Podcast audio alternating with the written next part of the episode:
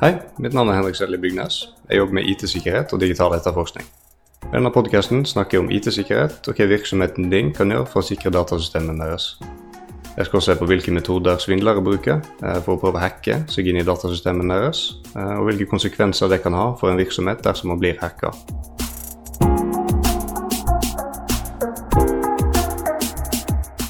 I denne episoden skal vi utforske et svært viktig evne, nemlig passord.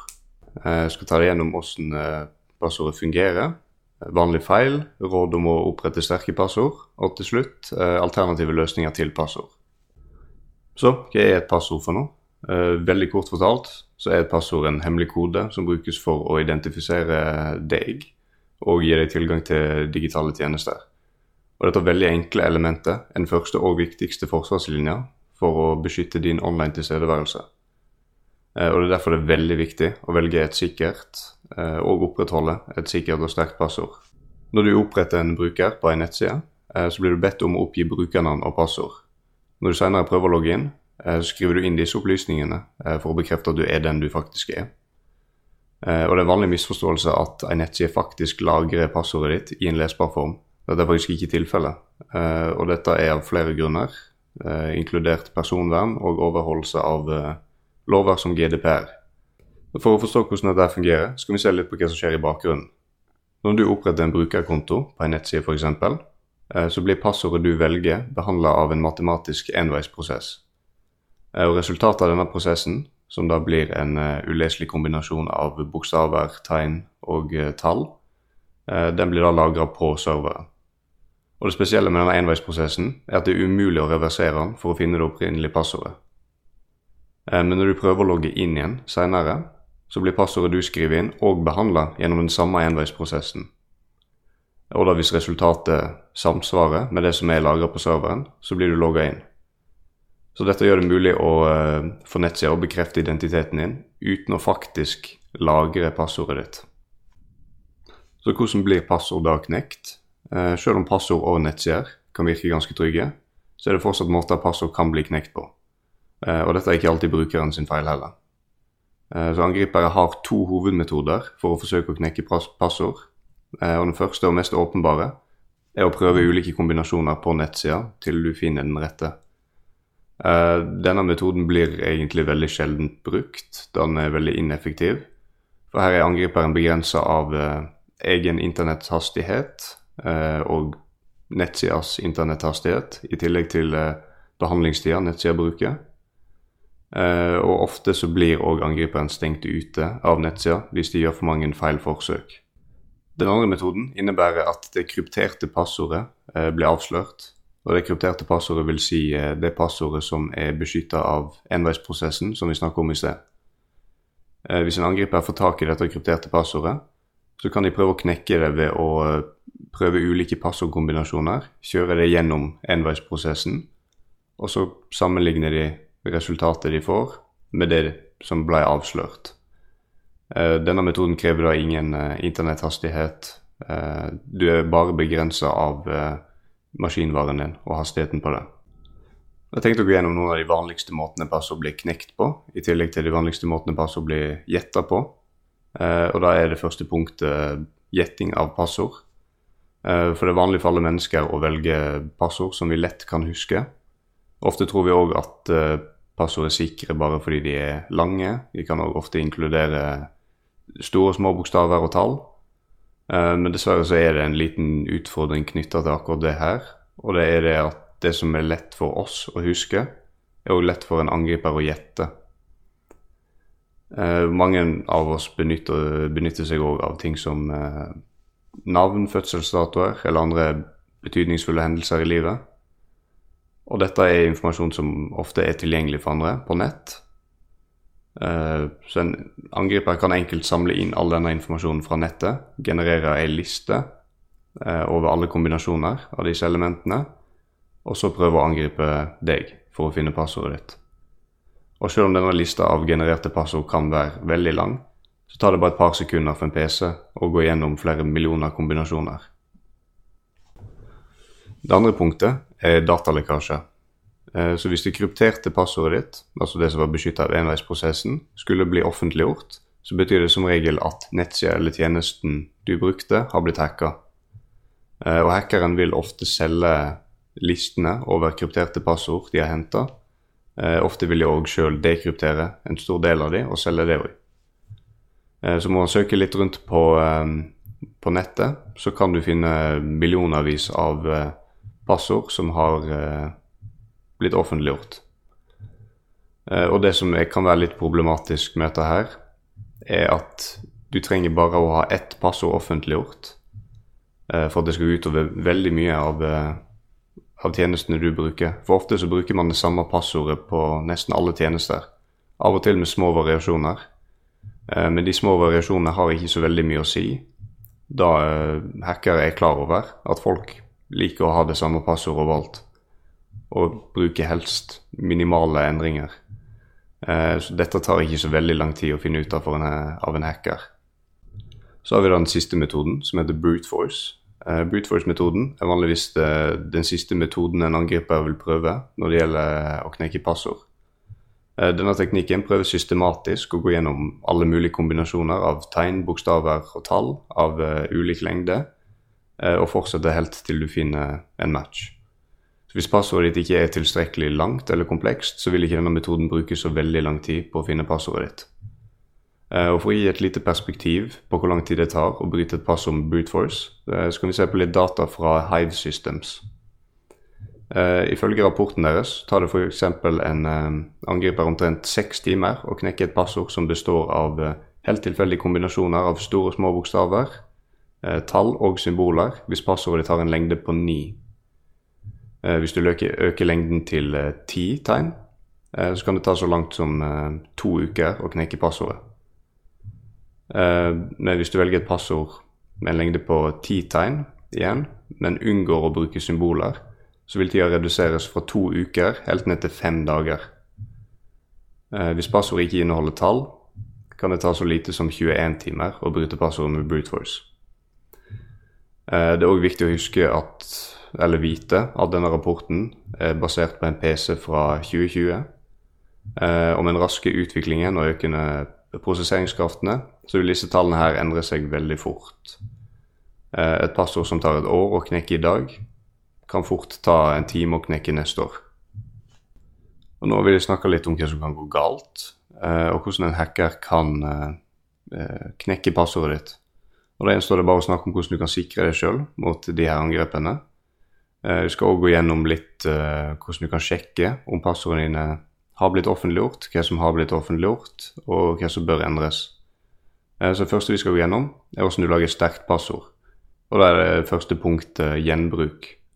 Og selv om passordet ditt er sterkt og følger alle sikkerhetsreglene for et sterkt passord, så hjelper ikke dette så veldig mye hvis du bruker samme passord overalt.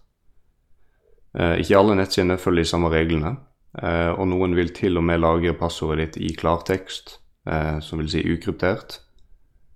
Så hvis en lekkasje da skulle skje, så vil ikke en angriper trenge å bruke noe tid på å knekke passordet ditt. Og selv om det er kryptert, så vil en angriper bare trenge å knekke ett passord hvis du bruker det overalt, for de skal ha tilgang til alle tjenestene dine. Dette er et enda større problem hvis passordet ditt er veldig enkelt å gjette i utgangspunktet. Det neste punktet er tilfeldighet. Eh, passord som er lett å huske, er også ofte lett å gjette. Eh, ting som navn, ord og datoer er som regel aldri lurt å bruke et passord. Eh, mange tenker òg at det kan være lurt å bytte ut enkelte bokstaver med, med tegn eller tall. Som f.eks. å bytte ut en E med tretall, bytte ut en S med dollartegn. Eh, og dette vil styrke passordet ditt litt, men det er fortsatt en veldig forutsigbar endring. Det sikreste passordet er langt og har en tilfeldig blanding av store små bokstaver, tegn og tall. Det neste punktet er lengde. Eh, som vi diskuterte tidligere, så er passordlengden ekstremt viktig, eh, en ekstremt viktig faktor å vurdere når det kommer til passordsikkerhet. Det finnes veldig mange ulike anbefalinger for ulike eksperter, og de fleste nettsider krever minst åtte tegn for et passord. Eh, men imidlertid så er det litt vanskelig å fastslå en nøyaktig eh, anbefalt lengde for et passord, da det er veldig mange andre faktorer som spiller inn, sånn som eh, tilfeldighet og unikhet. Så for eksempel så vil et passord på, med 15 tegn, som inkluderer ditt eget navn og fødselsdato, være langt mindre sikkert enn et 100% tilfeldig generert passord som er mye kortere. og så Hvis passordet ditt blir brukt flere steder, eller hvis det er en variasjon av et tidligere brukt passord, så kan det òg være mye mindre sikkert enn et kortere passord som er tilfeldig generert.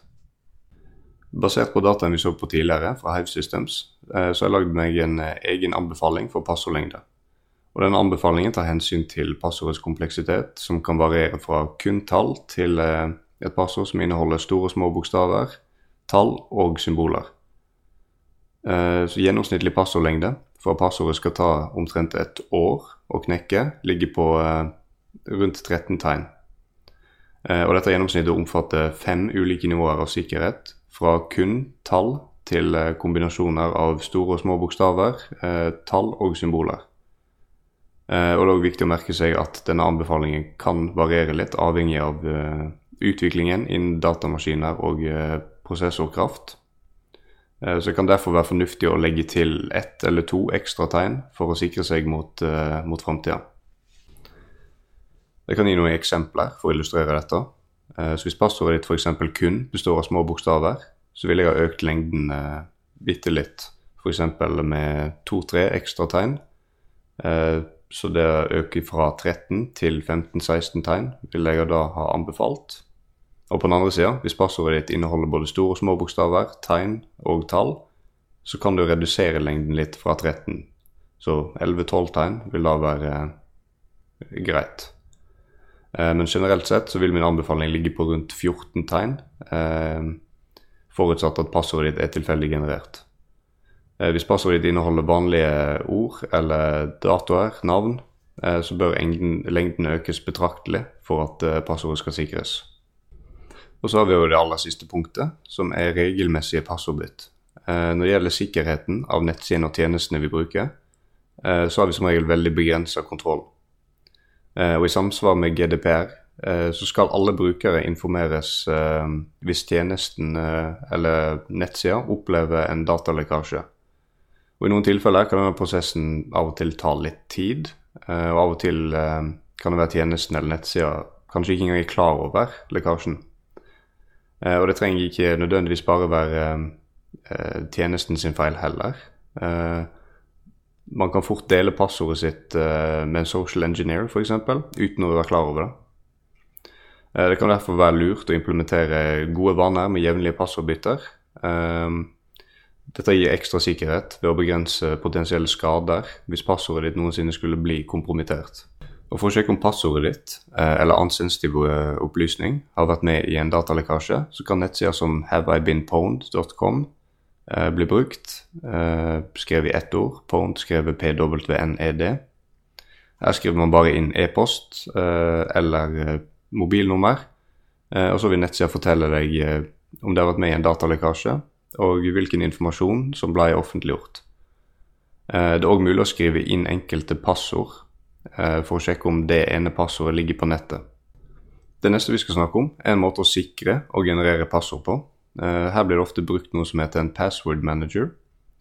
Eh, en password manager er en programvareløsning eller tjeneste som hjelper deg med å eh, administrere og lagre din, dine passord og all annen sensitiv informasjon på en veldig sikker måte. Og noen av fordelene med å bruke dette her er sikker lagring. En password manager krypterer og lager all påloggingsinformasjonen din samla og på en trygg måte. Dette betyr at du kun trenger å huske ett hovedpassord for å få tilgang til resten. Eh, det er òg en god idé å skru på tofaktorautentisering.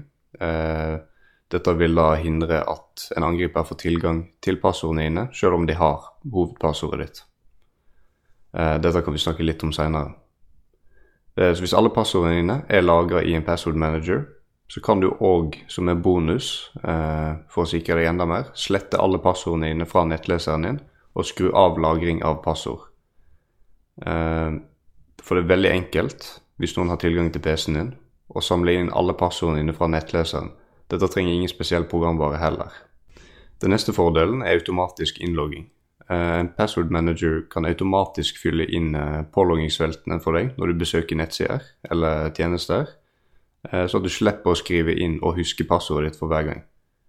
Eh, Og ikke gjør dette det bare mye enklere for brukeren, men det kan også beskytte deg mot phishing-angrep, eh, altså falske nettsider.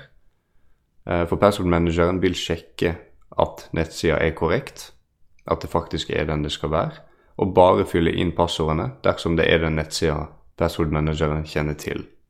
Noe annet en password-manager kan gjøre, er å automatisk generere sterke eh, og 100% tilfeldige passord for deg, eh, noe som gjør det veldig enkelt å opprettholde unike og sikre passord for alle tjenester og nettsider du bruker. En annen ting mange password-managere kan gi deg, er en sikkerhetsvurdering. Eh, mange av de tilbyr funksjoner som kan sjekke sikkerheten av eksisterende passord, eh, og gir deg informasjon om eh, passordet ditt er svakt, eller til og med om det har vært med i en datalekkasje. Eh, Noen kan òg fortelle deg hvor lenge du har brukt et passord, og når det er anbefalt å bytte det. Jeg tenkte å gå gjennom totrinnsautentisering òg, som det er en metode du kan sikre deg eh, mot svake passord og andre typer angrep, men ingen en erstatning for et bra passord. Eh, Så totrinnsautentisering, eh, eller også kjent som totrinnsbekreftelse, er det en ekstra sikkerhetsmekanisme eh, som brukes for å bekrefte din identitet når du prøver å få tilgang til en konto eller tjeneste. Eh, Og dette ekstra trinnet i, autentiseringen kan ofte innebære en melding som blir sendt til din mobil, eh, eller bekreftelse i en autentiseringsapp på mobilen din, eller en kode tilsendt eh, på e-posten din. Så med totrinnsautentisering så må du i tillegg til å oppgi brukernavnet og passordet ditt, i tillegg eh, fullføre et ekstra trinn for å bekrefte identiteten din. Eh, og dette er fra en annen kilde eller enhet. Eh, Dette gjør at en angriper ikke kan få tilgang til din bruker, selv om de har innloggingsinformasjonen din. Eh, Det finnes metoder folk har kommet seg rundt dette her ved bruk av social engineering, men dette er veldig sjeldent. Så jeg vil fortsatt alltid anbefale at du bruker totrinnsbekreftelse hvis du kan. Autentisering kommer òg i veldig mange andre former. Eh, På mobiltelefoner så benytter folk seg ofte av Face ID eller eh, biometrisk autentisering, som f.eks. fingeravtrykk. Eh, Og dette kan ofte være en sikrere metode enn å bruke et passord, samtidig som det frigjør deg fra byrden med å huske mange forskjellige og komplekse passord. Imidlertid så kan det være en utfordring her. Eh, sikkerheten er i stor grad eh, avhengig av kvaliteten og påliteligheten av eh, maskinvare og programvare. Selv nyere mobiler kan oppleve feil med Face ID og biometri. Jeg har selv vært vitne til at en iPhone har blitt låst opp av Face ID fra søsken. Videre er det òg mulig å klone fingeravtrykk og misbruke det. Så Derfor er det veldig viktig å ha en sikker enhet og eh, jevnlig oppdatere den for å hindre slike angrep. PIN-koder er òg en veldig vanlig autentiseringsmetode. Eh, Men hvis du har muligheten til å velge et passord, eh, sterkt passord fremfor PIN-kode, så ville jeg gjort det. Generelt sett så er PIN-koder relativt korte, men de har vanligvis et begrenset antall forsøk. Så dette betyr at hvis du taster inn feil PIN-kode for mange ganger, så vil enheten eller tjenesten bli låst. Så hvis dette er tilfellet, så kan det være greit å bruke en PIN-kode eh, som en identifiseringsmåte. Og ofte så har du ikke et valg heller. Så det var slutten. Når vi utforsker hvordan eh, passord fungerer, eh, hvordan de blir knekt og sikra av eh, nettsider og tjenester. Vi har utforska metoder for å bryte og gjette passord, strategier for å beskytte deg sjøl, og hvordan du kan opprette et sterkt passord, i tillegg til alternative autentiseringsmetoder og andre sikkerhetstiltak. Hvis du vil ha hjelp til å sikre din virksomhet mot IKT-angrep, kan vi i Einar Safety hjelpe deg. Vi har lang fartstid bak oss innen digital etterforskning og etterretning, og vi vet hvordan vi kan sikre virksomhetens eh, IKT-systemer og den informasjonen som dere har lagra. Såkalt IKT-sikkerhet eller cybersikkerhet. Eller datasikkerhet, for å bruke et folkelig uttrykk. Ta kontakt med oss enten du er en gjennomgang av IKT-sikkerheten, eller hvis du vil at vi skal komme og ha en temadag eller fagdag med de ansatte om viktigheten av en god IKT-sikkerhetskultur. Vi kan også tilby kurs innen IKT-sikkerhet. Du finner kontaktinformasjonen vår på einangsafety.no. Vil du følge oss på sosiale medier? I så fall kan du bruke hashtag einangsafety.